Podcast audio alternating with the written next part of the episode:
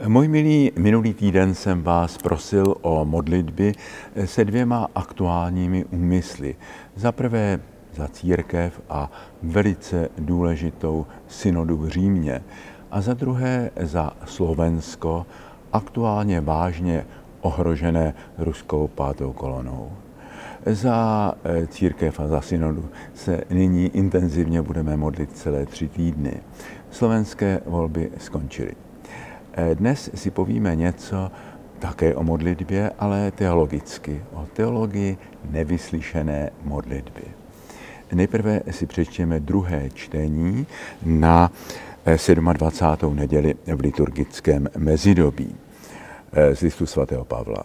Bratři, o nic nemějte starost, ale ve všem předkládejte Bohu své potřeby v modlitbě a prozbě s děkováním. Pak boží pokoj, který převyšuje všechno pomyšlení, uchrání vaše srdce a vaše myšlenky v Kristu Ježíši.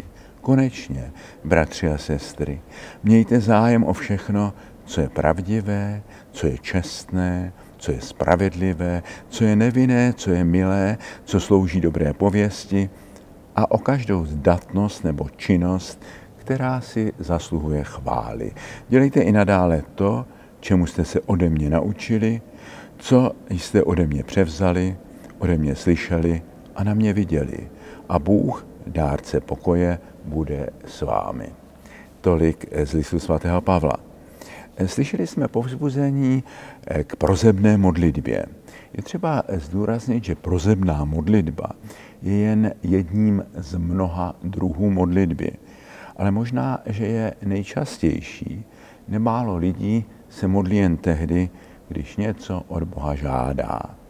To samo už je důvod k zamyšlení. Srovnejme tento vztah k Bohu eh, se, s našimi vztahy k lidem. Jaký by to byl vztah k druhému člověku, kdybychom s ním byli ochotni mluvit jen tehdy, když od něj něco požadujeme? Slyšeli jsme Předkládejte Bohu své potřeby v modlitbě a prozvě s děkováním. Ale co když naše modlitba nebyla vyslyšena? Když naše potřeba zůstala nenaplněná? Kdo eh, se leta modlí, jistě udělal obojí zkušenost. Někdy jeho prozby byly vyslyšeny, ale jindy nebyly. I tehdy může Bohu děkovat? Měla taková modlitba vůbec smysl? Chtěl bych dnes říci, že i zkušenost s nevyslyšenou modlitbou je cená zkušenost víry. Pomáhá nám k zralosti víry. Pomáhá nám rozlišit víru od jejího opaku.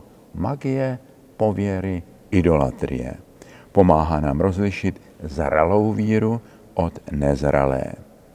Modlitební život určitého druhu křesťanů zůstává na stupni modliteb dítěte, které si u Ježíška objednává koloběžku. Už ty dětské vánoční modlitební objednávky mohou nastartovat falešný obchodní vztah k Bohu nebo způsobit první náboženská zklamání, která později mohou vést ke ztrátě víry. Nejen té dětské víry, kterou je přirozené odložit jednou, jako to mluví svatý Pavel, ale víry vůbec. Pokud člověk nepozná jinou víru, než tu infantilní dětinskou. Nedávno jsme viděli v Čechách politika stejného druhu, jací teď zvítězili na Slovensku. Lidi, z níž hluboká bezbožnost a pohrdání veškerou morálkou přímo kapé, jak s figurkami pražského jezulátka Bambino di Praga v obou kapsách tvrdil, jak jeho před volbami probuzená zbožnost funguje. Jezulátko mu na tuto rouhání, záměnu víry za její opak, magii, jasně ukázalo, že nefunguje. Že zbohatlík nesmí ani se státem, ale ani s Bohem zacházet jako se svou vlastní firmou. Jasné slovo křesťanství zní, Bůh nefunguje. Modlitba nefunguje. Modlitby nejsou mince do automatu zvaného Bůh. Taková představa o Bohu a o modlitbě je v dětství dětinská a v dospělosti zvrácená a může být i hříšná, jako každá zaviněná hloupost. Bůh není automat naplnění naší vůle, A modlitba není způsob, jak s ním manipulovat. Bůh tu není od toho, aby plnil naše přání a naší vůli, nýbrž my jsme tu proto, abychom hledali a plnili vůli Boží. Stěžejní prozba základní modlitby křesťanů nezní buď vůle má, nýbrž buď vůle tvá. A proč se tedy modlit, když se Bůh nedá ochočit a zmanipulovat a jedná podle své svobodné a na nás nezávislé vůle, ne podle naší vůle?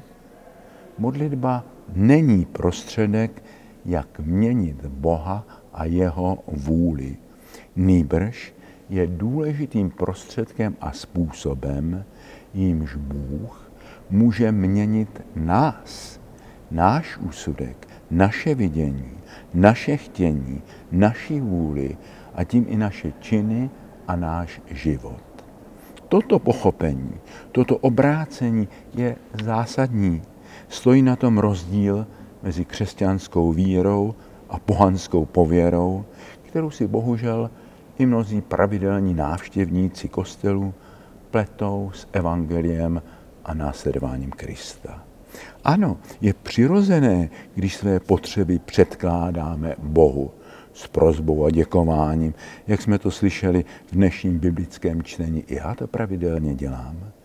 Je to pro nás velmi potřebné, pokud ovšem je to spojeno s tím druhým rozhodujícím krokem.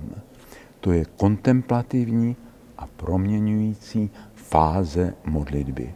Spočívá v tom, že se stišíme, sklidníme, dáme do závorky naše emoce, představy, touhy, sklony, závislosti a teprve do takto svobodného srdce vstupuje Bůh. Teprve to je modlitba a ne pověrečná magie.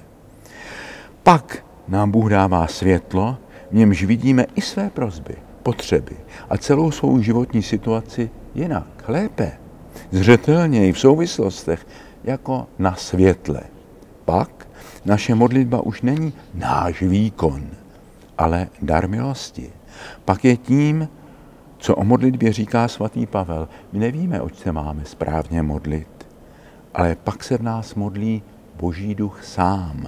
Přimlouvá se za nás vzdechy nevypravitelnými. Mnoho chyb a hříchů bych si v životě ušetřil, kdybych se včas naučil tomuto způsobu modlitby, naslouchání, spíše než hvanění. Před pohánskou mnohomluvností v modlitbě nás varoval Ježíš, než nám předal svou modlitbu ke společnému Otci.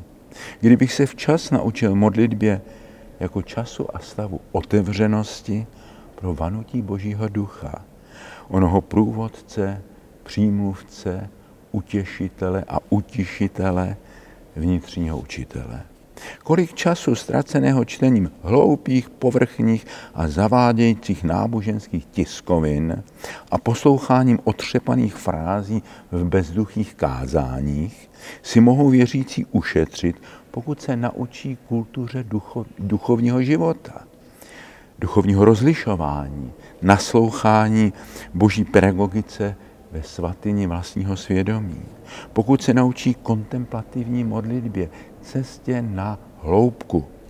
Jaké štěstí měl člověk, který včas potkal kněze, který místo stereotypního moralizování a ritualismu byl učitelem duchovní zralosti, průvodcem na odvážných cestách tvořivého následování Krista. Ano, někdy nám nevyslyšená modlitba má říci, že Bůh nám některé dveře zavřel a my se musíme podívat, zda neotevřel nějaké jiné.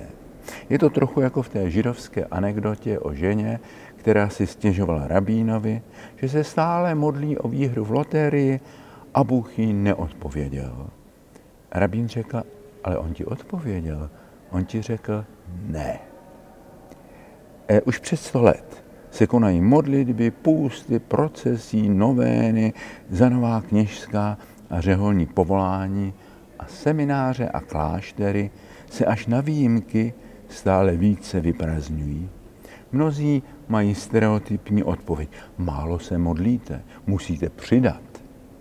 Ale neměli bychom se zeptat, zda nám Bůh neřekl, ne, já nechci tento typ seminářů, tento typ kněží a klášterů. Musíte najít nový způsob kněžské služby, nový způsob radikálního zasvěcení duchovnímu životu a službě hlásání evangelia. Myšlení je také druh modlitby, který nesmíme zanedbávat. Víra bez myšlení, ale i myšlení bez kontemplace jsou povrchní a mohou být nebezpečné. To, že se nějaké naše přání nesplnilo, může být proto, že bylo nesprávné nebo nezralé, ale nemusí to tak být.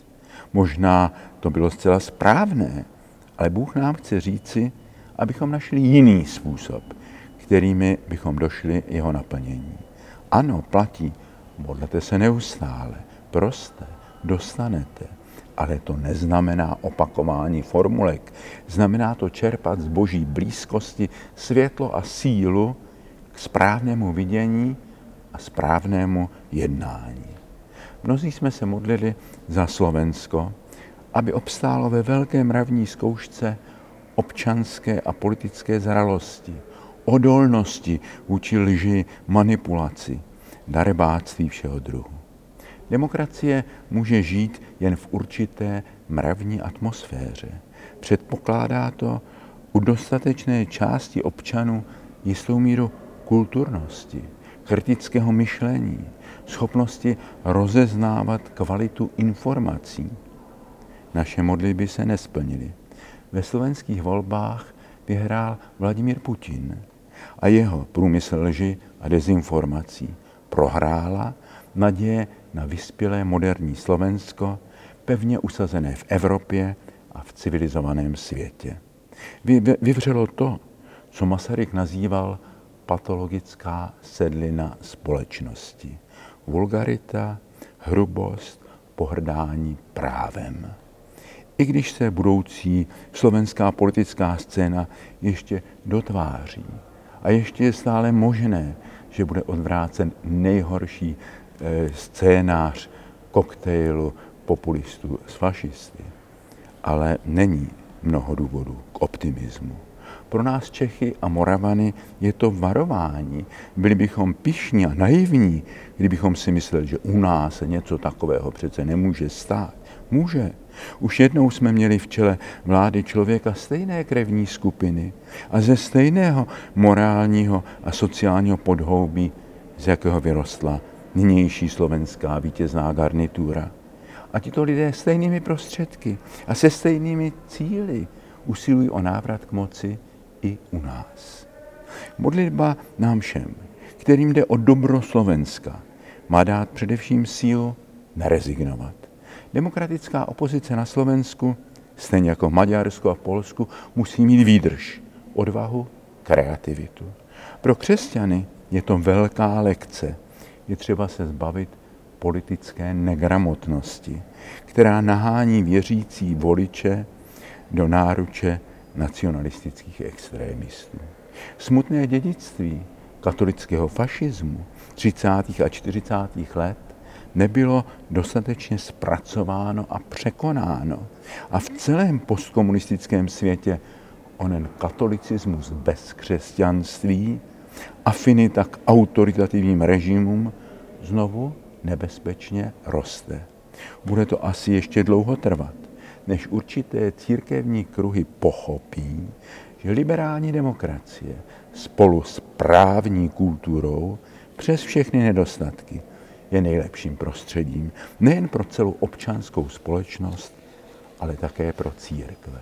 Snění o nějakém katolickém státě je nejen nereálné, nebož velmi škodlivé. Takové pokusy by vedly jen k další diskreditaci křesťanství a odcírkevnění společnosti, sekularizaci a exkulturaci křesťanství. Musíme se naučit žít v pluralitní svobodné společnosti, kde tradiční křesťanské hodnoty nebudou zaručeny zákony, nýbrž jen přesvědčivostí životního svědectví křesťanské menšiny. A pak, jak jsme to slyšeli od apoštola Pavla, pak boží pokoj, který převyšuje všechno pomyšlení, uchrání naše srdce a naše myšlenky v Kristu Ježíši. Konečně, sestry a bratři, Mějme zájem o všechno, co je pravdivé, co je čestné, co je spravedlivé, co je nevinné, co je milé, co slouží dobré pověsti a každou zdatnost nebo činnost, která zasluhuje chvály.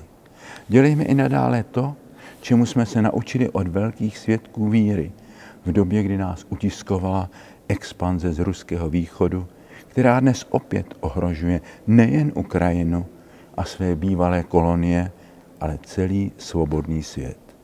Buďme stateční a moudří, plní víry a naděje a Bůh, dárce pokoje, bude s námi. Amen. Sestry a bratři, volejme k Pánu, v jehož rukou jsou osudy lidí i národů a prosme ho s velikou důvěrou, pane, smiluj se. Prosíme tě, pane, především za církev, která potřebuje hlubokou duchovní obnovu. Prosíme tě, aby důležitá synoda v Římě k této obnově a k tomuto oživení církve v síle Ducha Svatého mohutně přispěla. Pane, smiluj se. Prosíme tě za mír a spravedlnost na světě. Prosíme tě za krvácející Ukrajinu.